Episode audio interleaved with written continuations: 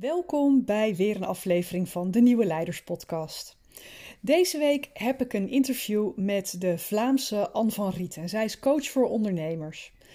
En Anne die heeft uh, uh, nou ja, behoorlijk wat drempels moeten overwinnen voordat ze werd wie ze nu is. En ze is nu een succesvol ondernemer en ze heeft een bloeiende praktijk als ondernemers, uh, ondernemerscoach. Maar die weg is alles behalve vanzelfsprekend geweest. Want uh, nou ja, veel van ons vinden het natuurlijk spannend om meer zichtbaar te worden, om te staan voor onze visie. Hè? Of we nu ondernemer zijn of leider of, of wat dan ook. Maar Anne heeft in haar eigen woorden nog heel wat meer innerlijke gremlins moeten overwinnen. En toen ze dan ook uh, ondanks ontdekte dat zij uh, Asperger heeft, vielen voor haar heel veel puzzelstukjes op hun plek.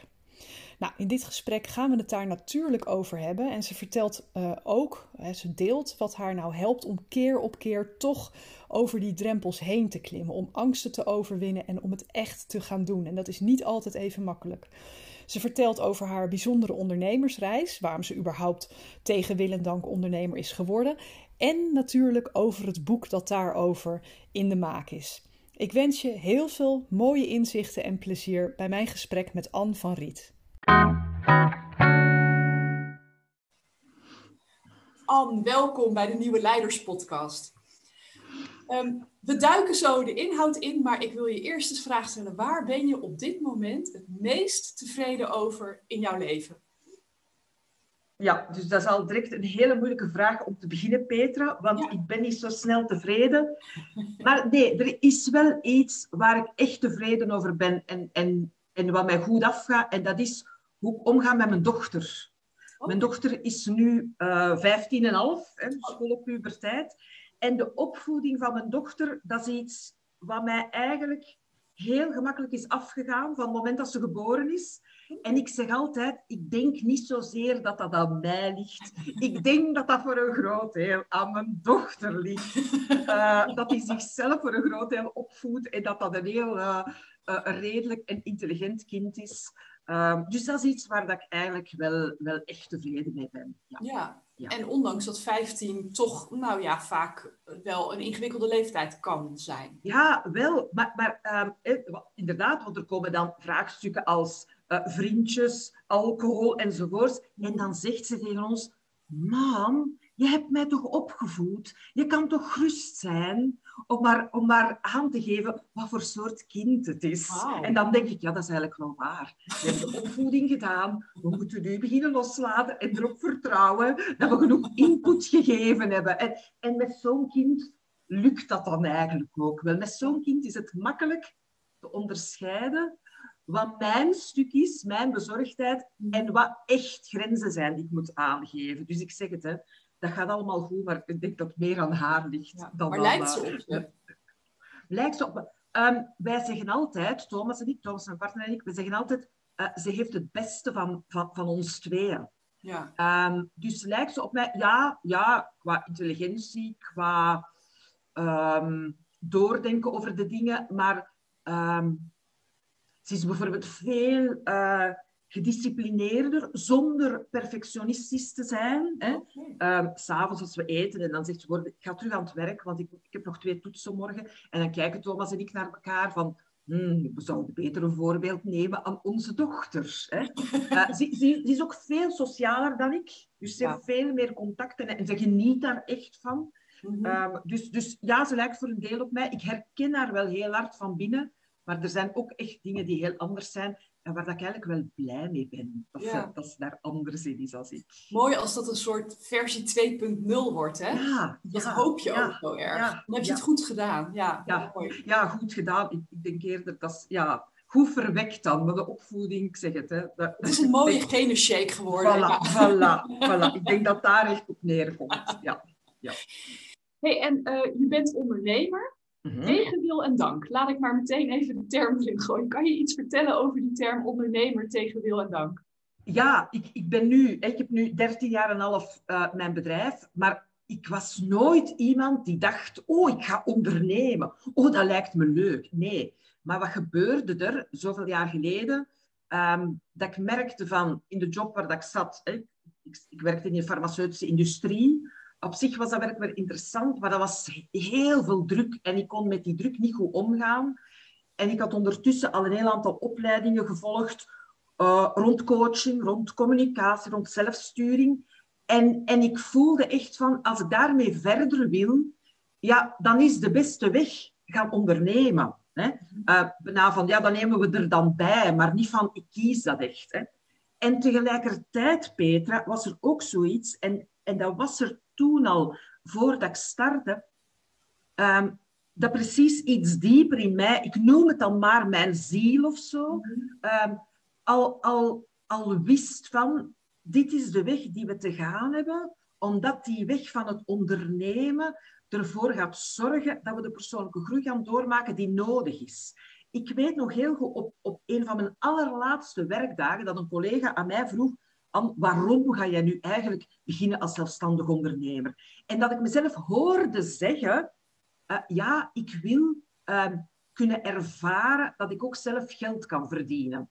En ik hoorde mezelf dat zeggen en ik dacht, huh, ik verdien toch al zoveel jaren geld hè, als werknemer, dus ik snapte mezelf niet goed. Maar in de jaren daarna is me wel duidelijk geworden dat dat eigenlijk een heel belangrijke uitspraak was. Want ik wou inderdaad ervaren dat ik echt op eigen benen kon staan. Dat ik echt, echt met mijn talenten ook echt waarde kon bieden voor mensen en daar echt geld mee kon verdienen. En niet gewoon uh, meedraaien in een bedrijf dat zonder mij ook genoeg miljoenen en miljarden omzet zou draaien. Dus, dus daar zat ook toen al wel iets dieper in, iets in mij dat wist, ja, dat is de weg die we, die we, die we te gaan hebben. Die gaat ons brengen uh, naar de groei die, die, die we willen ook. Ja. ja. Wat wilde je later worden als kind? Ik weet dat ik, dat ik uh, uh, les wou gaan geven, onderwijzeres. En ook, ook altijd schrijfster. Hè? Dus, en dan denk ik, oh ja, oké, okay, zo, zover zit het dan allemaal nog niet van wat ik nu doe. Want inderdaad, hè, een deel van mijn vak is ook echt lesgeven, echt training geven. En het schrijven zit er ook helemaal in. Dus dan denk ik, ah ja, oké, dat, dat, dat, dat, lag dan, dat komt dan nog wel in de buurt. Ja. Ja. En wat, wat is nou het verschil tussen de, de Anne als werknemer en de Anne als ondernemer? Het belangrijkste is dat ik als werknemer mij altijd kon wegstoppen. Mhm. En pas op, als ik daarop terugkijk, uh, ik deed mijn werk heel goed. Hè. In alle jobs die ik gedaan heb, kreeg ik altijd heel positieve evaluaties. Uh, dus mensen waren heel tevreden over mij. En ik, en ik, deed ook echt wel wat ik moest doen. En toch, als ik daarop terugkijk, dan denk ik, ja, maar ik stopte mij toch altijd voor een deel weg.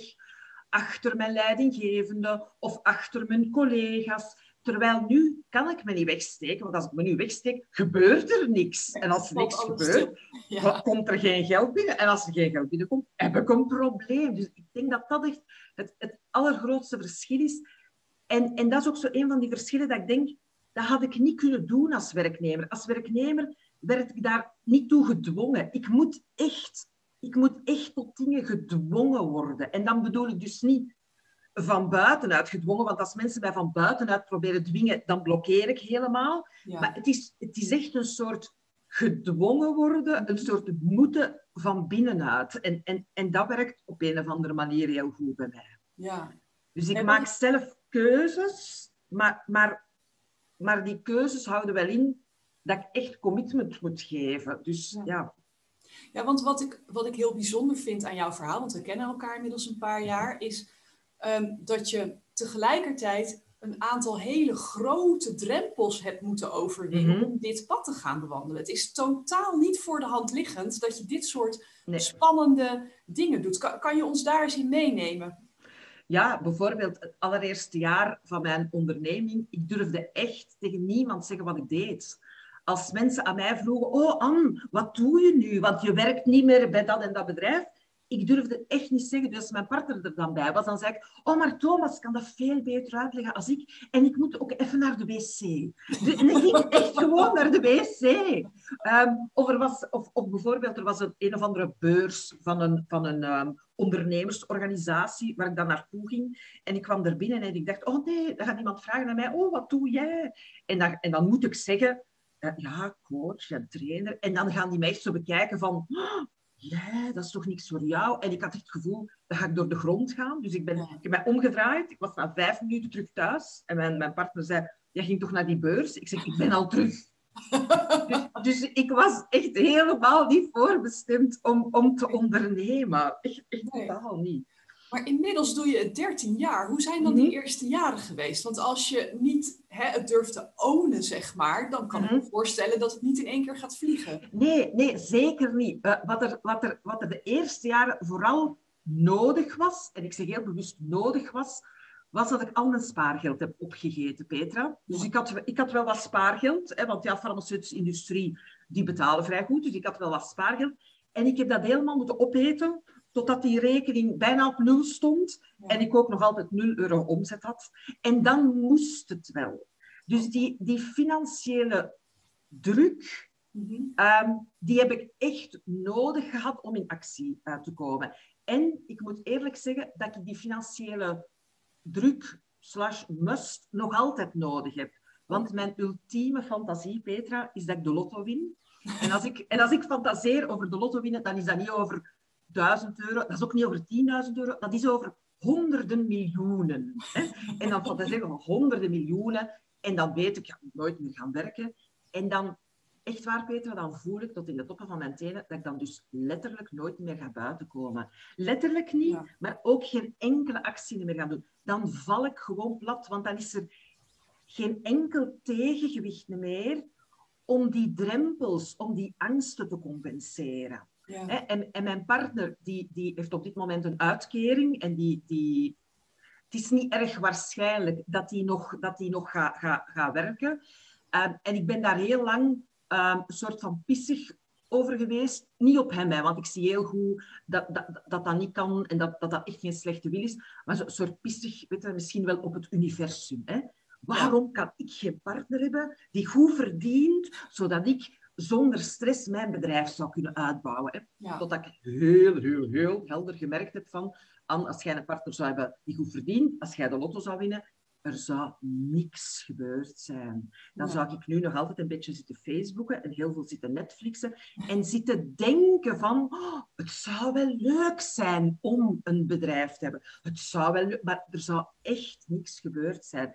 Dus op een bepaald moment heb ik, heb ik echt die verantwoordelijkheid, die financiële verantwoordelijkheid voor het mhm. gezin, echt bijna omarmd. Dat was echt een moment, ik weet nog goed, dat, ik in de keuken stond, dat ik echt voelde, weet je, dan gaat dat ook maar dragen in dit leven. Dan, dan, dan is dat wat nodig is om je ding te gaan doen. En, en dat blijft soms, soms echt nog wel een zware verantwoordelijkheid. Want ja, als ik het geld niet binnenbreng, eh, kan de lening niet afbetaald worden. En dan hebben we dus geen dak boven ons hoofd. Um, maar, maar ik voel tegelijkertijd op elk moment, als dat er niet zou zijn, zou ik niks doen. En ik zou eeuwig zonde zijn. Dat voel ik ook. Ja. Voor mezelf, want, dan, want dan zou ik echt niks van die groei doorgemaakt hebben. En natuurlijk ook voor de klanten die, die, die, die mij nu zoveel feedback geven en, en, en die zeggen van, oh, doordat jij dat en dat hè, uh, voor mij doet, kan ik nu die stappen zetten. Dus, dus ik zie ook, hè, ik zou zelf de groei niet, niet doorgemaakt hebben en, en ik zou ook anderen niet kunnen helpen hebben om, om een bepaalde groei door te maken. Ja, ja want het, het klinkt bijna alsof je een enorme drempel over moet om mhm. je, je levensvervulling uiteindelijk toch te vinden. Dus dat die drempel uh, ja, bijna een soort zeephelling is waar je steeds tegenop moet, moet rennen. Ja, ja en, en, en dat is in grote dingen en dat is in kleine dingen. Ik kan dat bijvoorbeeld ook hebben, dat heeft nu niks met ondernemen te maken, maar als ik nu bijvoorbeeld um, um, gewoon naar de winkel moet. En, dat was ook al pre-corona. Hè? Ja, ja, ja. Of een brood gaan halen, gewoon buiten stappen. Uh, dat is een hele drempel. Hè? Maar, maar, maar ook inderdaad, um, weet je, dingen, dingen voor mijn bedrijf. Hè? Er zijn nu natuurlijk veel dingen in mijn bedrijf die, die deadlines hebben. Ik bedoel daarmee, een afspraak staat gepland met een klant en een webinar staat gepland. En, en dat helpt heel erg. Mm Maar oh, ik kan nog enorm hebben als ik een nieuwe groep uh, ga zien. Of als ik een nieuwe klant, de eerste sessie, dat ik echt zoiets heb van, waarom doe ik dit? Zou ik niet afbellen? Dat is echt... Oh. En, dan, en dan, eens ik begin, dan is dat weg. En dan, en dan kan ik terug voelen, ah ja, daarom doe ik dit. Maar de, de, de, de uren soms, of de, de minuten voordat ik iets moet gaan doen, dat, dat, dat is echt... Maar, maar neem me eens mee naar wat er dan gebeurt. Want kennelijk valt dat kwartje dan toch de kant op van, nou Anne, hup, Ah, wel, wat, gebeurt er onder die motorkap? Voilà, bijvoorbeeld, hè, een, een, aantal weken geleden, nu al twee maanden geleden of zo, ging ik de eerste sessie geven van, van, een, van een reeks voor een, uh, voor een ondernemersorganisatie. Hè. Ging over verkopen, dus dat is een onderwerp dat ik heel graag doe. Hè. En dan komt die vraag, hè, wie je zo, wie je zo reeks heeft, dan ben ik heel blij, heel enthousiast. Hè. En, dan, en dan komt die avond en dan, en dan, wat gebeurde er dan? Ja, het was toen nog live, want dat was zo net tussen twee lockdowns in. Ja.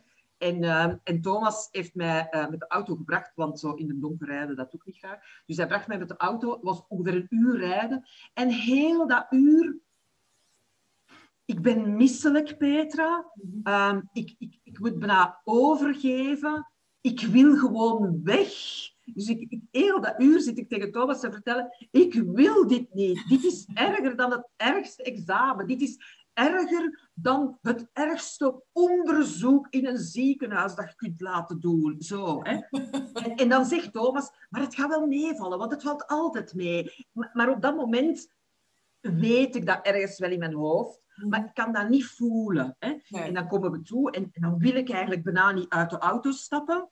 Maar ik weet ook, Petra, dat op het moment dat ik daar binnen stap, dan verander ik op een of andere manier in een soort andere persoon. Hè? Dus uiteindelijk stap ik dan toch uit de auto en ik loop daar naar binnen. En dan voel ik inderdaad mezelf veranderen. En dan, en dan ben ik zo de anti-training geeft. Ja. En het interessante is, Petra, dat dat, dat, voelt, dat voelt evenzeer echt als Anne. Ja. Het, is, het is niet dat ik dan het gevoel heb dat ik moet doen alsof, maar het is wel een soort, een soort andere instelling of zo misschien wel. En als ik in de ene instelling zit van, oh, ik ga dit niet kunnen en ik ben misselijk, en dan kan ik de andere instelling niet voelen. En als ik in de andere instelling zit, dan denk ik, waarom hebben we nu weer zo'n uur in de auto gezeten. We hadden ook gewoon gezellig kunnen babbelen. Hè? Ja, ja, ja. Um, dus, en, en dat heb ik eigenlijk inderdaad met heel veel, met heel veel dingen. Ja, maar je, je, je gaat het elke keer weer aan. Dus je bent ergens, ondanks al die, die gremlins, zoals jij die altijd zo mhm. mooi noemt, uh, ben je heel betrouwbaar voor jezelf. Hoe is dat zo gegroeid? Heb je daar iets voor gedaan? Heb je daar begeleiding in gehad? Of is dat echt iets wat je met je eigen mindset hebt gedaan? Um, ik, ik, las een paar dagen geleden de uitspraak courage over comfort. Hè? Dus moed boven comfort. En op een of andere manier is, is dat toch altijd wat ik kies. Hè? Wat, wat dat daar zeker in meespeelt, is zo dat gevoel binnenin mij dat ik wil leren en wil groeien. Dat is zo bijna sterker dan mezelf en dat, en dat stuurt me vooruit. Dus dat is, dat is absoluut iets, iets dat mij stuurt. Het tweede is echt je financiële must. Als dat er niet bij hoorde, dat, dat, dan deed ik niks. hè? Nee, Hoe groot dan mijn verlangen naar... Die push moet er altijd bij zijn. Um, en, en wat ook enorm, enorm um, um, helpt, is dat ik echt weet van... Ik wil een voorbeeld zijn voor mijn mensen. En als ik zeg mijn mensen, dan bedoel ik dus niet gewoon mijn klanten, maar dan bedoel ik iedereen die mij op een of andere manier nodig heeft, die op een of andere manier zit te wachten, tussen aanhalingstekens, hè, um, op, op, op iets van inspiratie van mij, want ik weet, uh, ik moet tonen dat het kan. Mm -hmm. um, dus dat is ook een hele belangrijke. En, en, en ja, ik heb, da, ik heb daar zeker hulp bij gehad, hè, want ik heb uh, verschillende uh, ondernemerscoaches gehad. En, en dat helpt natuurlijk ook wel ja om, om in het stramien te blijven, om de acties te blijven doen. Um, maar stel nu dat ik er één factor zou moeten uithalen, dan is dat echt die financiële must. Want als die wegvalt, ja. die is echt nodig om te compenseren. De andere zijn ook belangrijk, maar de financiële must is zo de, de, de, de, diegene die echt noodzakelijk is. Als ik die eruit haal, dan, dan, dan stort het in elkaar. Dus ik, mag, ik mag ook nooit van mezelf een lottobiljetje kopen.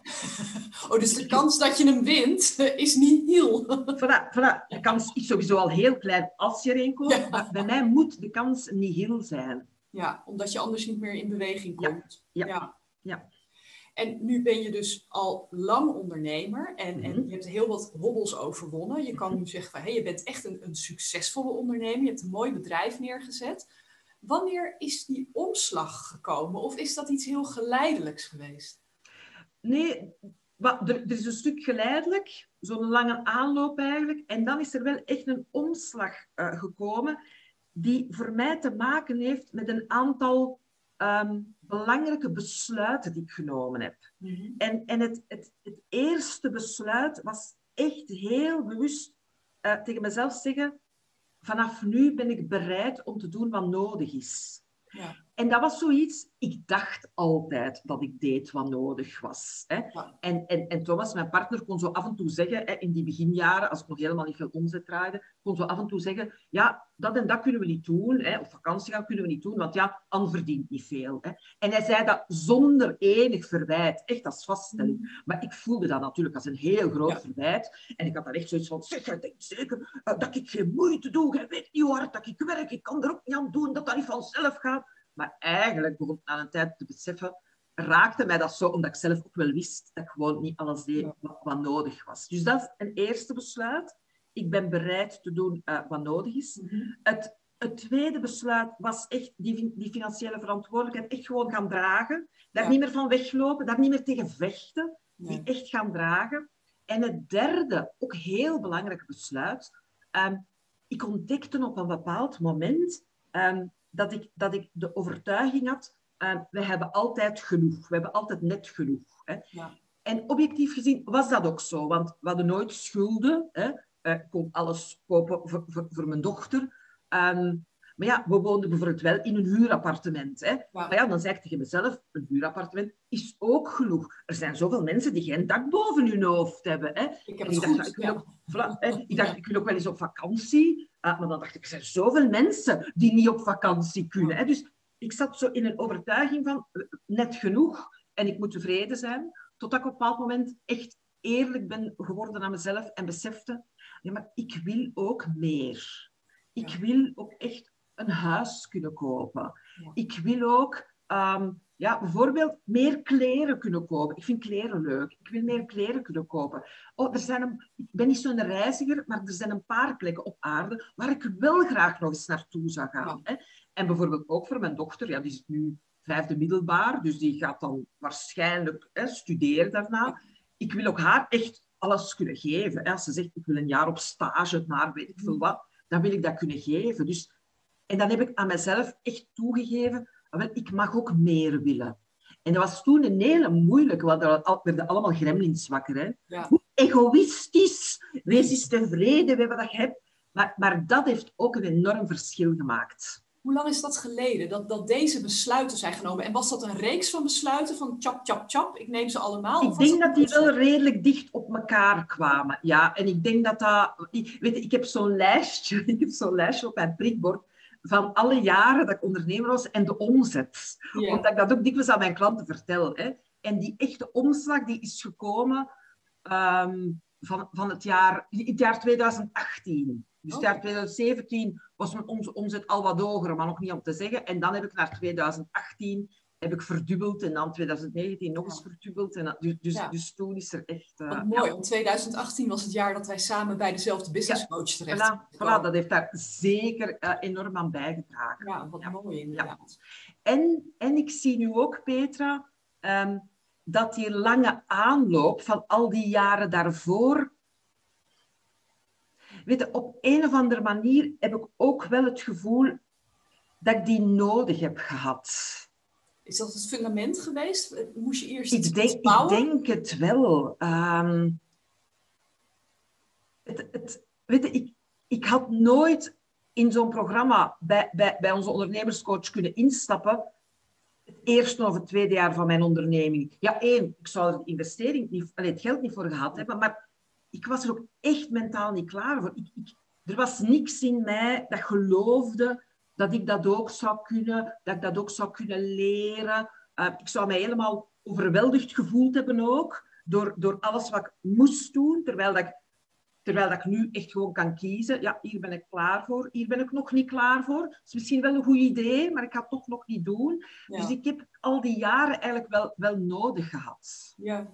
Ja, en, en elke keer weer opnieuw die worsteling met die gremlins aangaat. Inmiddels bijna meer dansen geworden dan ja, worstelen. Ja, ja, ja, en ik, vind, ik, ik blijf die metafoor van die gremlins zo, zo leuk vinden, omdat, op den duur, en ik leer dat ook mijn klanten, zie je die echt zitten. Hè? En, dan, en dan zie je die in paniek raken en dan kun je die zo over een koppetje aaien van ik weet dat je bang bent en het is oké, ik ga ook voor jou zorgen. En dan zie je die er terug kalmeren. En, dan, en soms moet er een paar, een paar heel hevige in een bokaal stoppen met de deksel erop, zodat je ze echt tijdelijk niet meer hoort. Maar ik vind het wel heel fijn om dat zo te zien.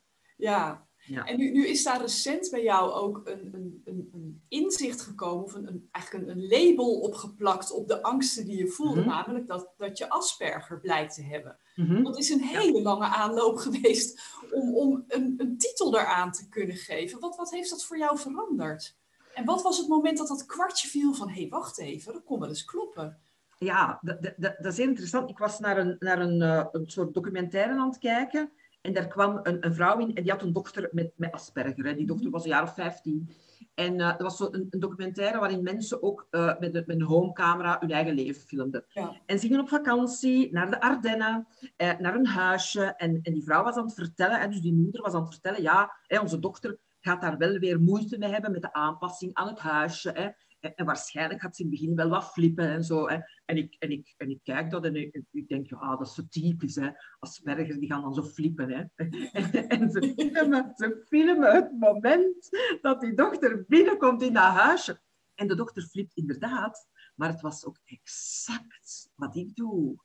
Namelijk, ik, ik, ik, weet niet wat ik gedacht Ik had denk ik gedacht dat die dochter hysterisch ging beginnen roepen of zo. Maar die dochter deed gewoon zoals ik deed. Hier blijf ik niet. Wat is dat nu voor een huis? Ik ga morgen terug naar huis. Ga doen wat je wilt. Maar als jij denkt dat ik hier een week ga blijven en heb jij dat geboekt, wat voor een keuze was dat? En ik, en ik, en ik, zag dat en denk ah ja, dat, dat, ben, dat ben ik exact. En ik ben ook heel erg beginnen wenen. Zo een soort wenen dat je niet kunt tegenhouden, maar dat je zelfs nog niet goed snapt waarom ween ik nu. En, en ik denk dat dat ook echt de herkenning was. Ja. En dan ben ik natuurlijk diezelfde avond heel veel beginnen, beginnen opzoeken. Want, want uh, Petra, er was wel al eens af en toe in mijn leven geweest dat ik dacht van, oh, dat label zou dat niet bij mij passen. Ja. Maar, maar omdat ik heel empathisch ben, ehm, heb ik dat altijd opzij geschoven. Omdat ik dacht, dat past daar niet in, het heel empathisch zijn. En het juist, het juist heel goed zijn in uh, de, de, communicatie, maar ook, maar ook uh, het, intra, het, het intrapersoonlijke, mezelf zo goed kennen. Ik dacht, dat past daar niet in, in het beeld van, van Asperger of mhm. autisme, of hoe dat je het noemt. Maar dan ben ik die avond uh, verder beginnen lezen en, en dan las ik bijvoorbeeld een zinnetje Um, en, en, daar stond, ja, alle, alle mensen met autisme hebben eigenlijk wel een of andere superpower. En ik denk weer van, ja nee, dat ben ik dan weer niet, want ik heb geen ik superpower. ik, kan, ik, ik, doe, ik, ik kan wel van alles een beetje, maar ik heb geen superpower. En dan stond er nog verder, en dat was ook weer zo'n klik. Ja, heel veel mensen met autisme kijken reality tv om de wereld en de mens beter te leren kennen. En dan dacht ik, oh, maar dan ben ik exact, dat, dat zeg ik ook tegen iedereen. Mijn, mijn lievelings-tv-programma's zijn reality-tv, omdat ik daardoor mensen leer kennen. Ah, zo doen mensen. Ah, zo denken mensen. En toen besefte ik ook, Petra, ehm, dat dat dus mijn superpower geworden is. Al, al van als ik heel jong was. Um, ik ben mij echt gaan verdiepen in hoe werkt communicatie, hoe werkt zelfsturing, gremlins, hè, al dat. En daardoor ben ik daar veel beter in geworden ja. dan andere mensen. Maar ik kom wel van, van ver. Want, want door, door dan te gaan beseffen, oh ja, dat label past bij mij, ben ik ook gaan terugkijken natuurlijk hè, op, op, op mijn leven. En dan zie ik ook echt wel uh, dat ik inderdaad in de lagere school, in de middelbare school, aan de universiteit, altijd het gevoel had van, ik hoor er niet bij, ik kan niet echt mee. Ik, ik, ik, ben precies, dat weet ik nog heel goed, dat ik dat altijd dacht, ik ben precies qua ontwikkeling een heel aantal jaren achter op mijn leeftijdsgenoten. Mm en dat ik dan inderdaad, toen ik halverwege de twintig was, toen ben ik zo eerst beginnen lezen, hè, allemaal zelfhulpboeken, waardoor dat ik zo echt inzicht kreeg in, oh, er zijn gedachten oh, en je kunt gedachten misschien wel veranderen en je daar bewust van. Dat was echt zo een openbaring. Ja. Ehm, en dus ik ben daar dan op gaan terugkijken en dan zeg ik, ah ja, maar dat, dat klopt eigenlijk wel. Het, het, plaatje klopt eigenlijk wel. En dan zeg ik dat ook tegen mijn partner en mijn partner had zoiets van, oh ja, ja, dat wist ik al lang. en ook heel veel mensen, Peter, heel veel mensen. En, en dat was voor mij eigenlijk wel een belangrijke. Ik heb dan een soort coming-out nieuwsbrief, ja. uh, die jij ook gelezen hebt, een coming-out nieuwsbrief. Voilà. En, en er waren echt een heel aantal mensen die mij al kenden en die, die mij mailden. Oh, maar ik, ik dacht dat jij dat wist over jezelf. want, want, voor mij was dat heel duidelijk. En, en ik dacht altijd dat jij dat wist. Dus, en dat was ook wel, wel, interessant om zo die feedback uh, terug te krijgen. Hij had een prachtige titel, iets in de trant van ik druk op cent en daarna duik ik onder. Ja, en daarna heb ik je ook echt even helemaal niet meer gezien. Wat gebeurde er op het moment dat jij die nieuwsbrief hebt verzonden met jou?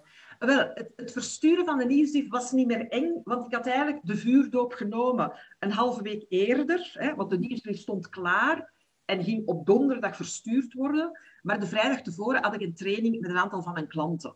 En het ging over enge dingen doen. En ik zei, weet je, ik, moet ook soms nog heel enge dingen doen. Hè. Er staat een nieuwsbrief klaar voor volgende week. Super eng. Ehm, maar ik voel dat ik het moet doen. En zij werden natuurlijk heel nieuwsgierig. Oh, mogen we dan de nieuwsbrief al lezen? Ik zeg, als iedereen braaf is vandaag, stuur ik vanavond de nieuwsbrief. Je bent echt een juf. Ja, ik ben echt een juf in tips van mijn gedachten. Uh, dus s'avonds heb ik hen die nieuwsbrief gestuurd. En dat vond ik heel eng. Dat was echt ja. cent en, en computer toeklappen. Ja. En, dan, en dan de volgende dag uh, heb ik hun reacties gelezen. En die waren zo positief. Um, dat dan voor mij was de grootste stress eraf. Ja. Want ik dacht toen echt, hè, donderdag mijn nieuwsbrief versturen, dan ga, ik, dan ga ik van woensdag op donderdag niet slapen. Maar eigenlijk was ik het helemaal vergeten en stond ik donderdag op en zat er een mail in mijn mailbox van een klant. Veel succes met je nieuwsbrief. Oh. En ik dacht, oh ja, dat is, vandaag. Ja, ja, en, en ja, ik ben heel blij dat ik dat verstuurd heb, want, uh, want uh, ja, ook echt mensen die mij mailden van, oh, hierdoor vallen er voor mij ook een heel aantal uh, kwartjes of, uh, of, euro's op zijn plek. Nou ja, en in die zin vind ik het een mooi voorbeeld van um, uh, je bent niet dat label. Dat label is iets waarmee je omgaat en wat, ja, wat, wat op een of andere manier jouw pad een hele bijzondere wending heeft gegeven. Want er wil kennelijk iets van binnenuit naar buiten komen, wat helemaal niet vanzelfsprekend is als jij al op je tiende had gehoord dat je Asperger had. En nu is het al in gang gezet en die trein die rijdt en het is je superpower. Je kan hem echt gewoon pakken. Ja. geeft het ook op een bepaalde manier meer zelfvertrouwen of is dat een hele rare? Ja, het, het, um, het, het, gevoel dat ik wel had, zeker helemaal in het begin, die eerste dagen na die ontdekking, um, was dat ik inderdaad veel beter kon zien waar dat ik echt goed in was en dat ik ook... Um, veel beter kon zien hoe intelligent ik was. Omdat ik wist altijd wel van mezelf, van ik ben slim. Hè. En nu kon ik echt zien van, wow, maar met die beperking, want ik noem het echt wel een beperking, want, want het maakt de dingen ook wel echt moeilijker. Het, het geeft echt superpowers en het maakt dingen ook echt moeilijker. Maar dan kon ik ook echt zien van, wow, ik heb wel echt al die intelligentie nodig, nodig om dat te compenseren. Stel dat, dat je die intelligentie uit mij haalt, ja. dan zou er ook iets heel anders ontstaan zijn. Ja. Um, dus dus het, het, het maakt mij inderdaad wel uh, milder voor mezelf. Ja. Um, bijvoorbeeld hè, in, in, in het weekend uh, duik ik ook echt altijd onder. Uh, de zaterdag heb ik bijvoorbeeld echt altijd nodig om te ontprikkelen. En dan ga ik vaak ook in de namiddag nog, nog wat slapen. Hè. En, en ik, kan ook niet, ik, ik wil op dat moment van alles doen. Ik zou willen van alles doen. Ik zou willen lezen. En ik zou, maar het gaat niet. En, en dan besef ik nu ook gewoon veel beter. Oké, maar dat is omdat uw brein dat gewoon nodig heeft. Ja. Uh, dus ik ben daar, ik ben daar milder. Uh, milder naar jezelf, ja. ja. Ja, en ja. nu weet ik dat je al bezig was om een boek te schrijven, maar dit is natuurlijk wel een soort plot twist die je hebt. Ja, ja. Kan, je daar iets over vertellen, wat, ja. wat dat doet met dat proces? Ja, dus, dus ik ben eigenlijk aan, aan mijn boek begonnen. Ja, ik ga zelfs verklaren wat beginnen is, maar ik ben aan mijn boek begonnen, dat moet ergens juni vorig jaar zijn. Um, ik wou nooit een boek schrijven. Ik had niet zoiets in mij van, ik wil een boek schrijven, waarbij blijkbaar, uh, Petra, wil het boek geschreven worden. Dus ik ben ook schrijver tegen wil en dank geworden. Hè? Um, en ik heb heel de zomer en, en, en, en dan zo het najaar um, niks geschreven. En ik dacht altijd, ah, ik zit zo helemaal vast in, in uitstelgedrag. Maar tegelijkertijd voelde ik ook ergens van, nee, dit is weer zo'nzelfde proces waarbij er een heel lange aanloop nodig is. Hè?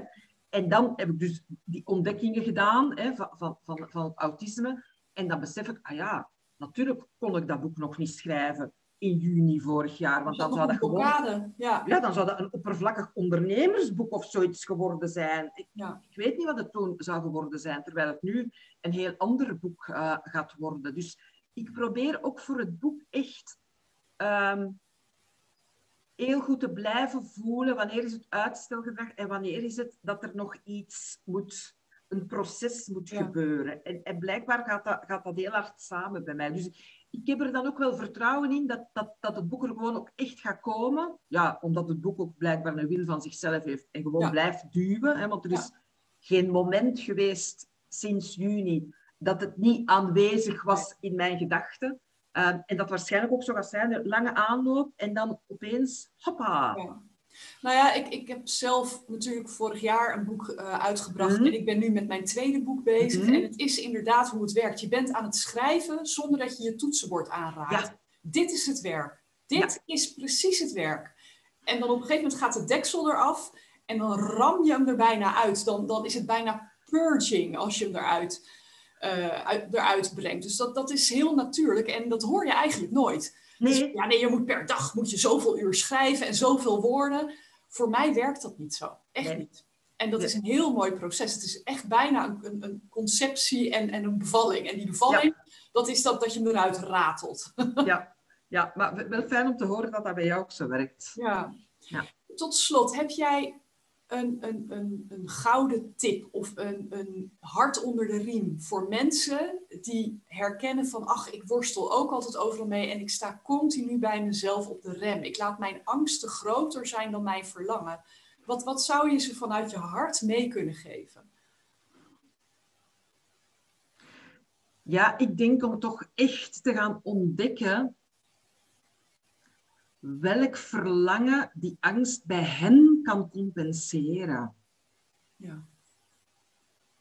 Want, weet je, ik, zei het, hè, ik, ik ben geen reiziger. Hè, dus als je tegen mij zegt, oh, als je meer omzet draait, dan kan je vier keer per jaar op vakantie. En dan, dan denk ik alleen maar, oh, ik ben gewoon blij als ik thuis mag blijven. Hè. Als ik iemands vakantiefoto's zie, dan denk ik, oh, het is zo goed als dat ik het gehad heb. Ja, hè. En ook zo'n mooi huis, je wil helemaal niet meer weg. Voilà, het is dat, ik wil helemaal niet meer weg. Um, maar ik heb dus inderdaad ontdekt dat er dus wel dingen zijn waar, waar, waar, waarmee ik mezelf kan motiveren. Hè. Het geld voor het huis, en daar heeft mijn dochter ook heel hard mee te maken. Want weet je, voor mezelf zou ik het nog wel kunnen verantwoorden als we uit het huis zouden moeten. Maar ik zou het verschrikkelijk vinden voor mijn dochter, want die is zo, zo blij met haar kamer en met heel het huis en zo. Dus, dus dat zou echt wel mijn tip zijn, van echt te gaan zien wat is voor jou echt wel belangrijk genoeg om die angst te compenseren? Mhm. En ook um, met heel, heel, heel kleine stapjes te gaan werken. Ik, ik zeg altijd echt, zelfs geen mini-stapjes, maar echt, echt de, de, de allerkleinste muizenstapjes. Hè. Als ik iemand... Nano-stapjes. Ja, ja. Um, weet je, het, het, een boek schrijven, dan, dan is een mini-stapje zelfs niet een zin schrijven. Een mini-stapje is misschien gewoon het document open doen. Weet je, echt, echt gaan zien wat zijn de allerkleinste stapjes.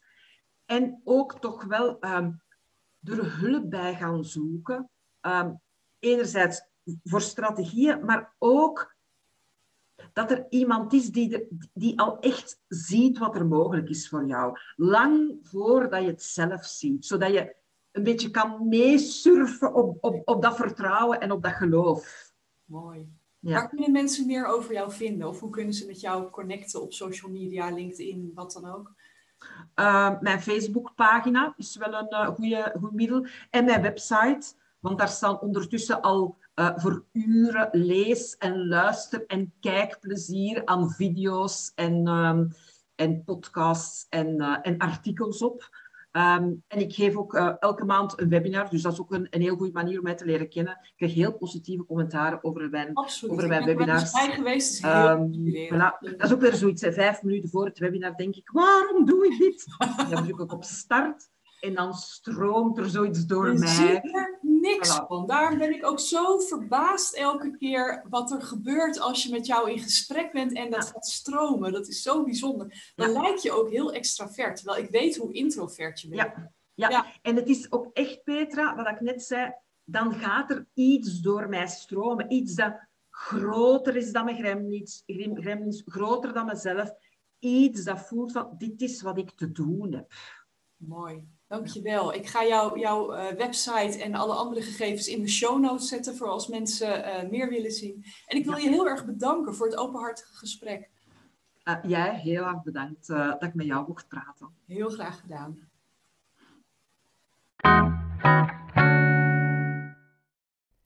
Dit was hem weer voor deze week. En als je iets uit deze aflevering uh, met Anne hebt opgestoken, dan hoop ik dat het is dat geen drempel echt belemmerend is om te groeien.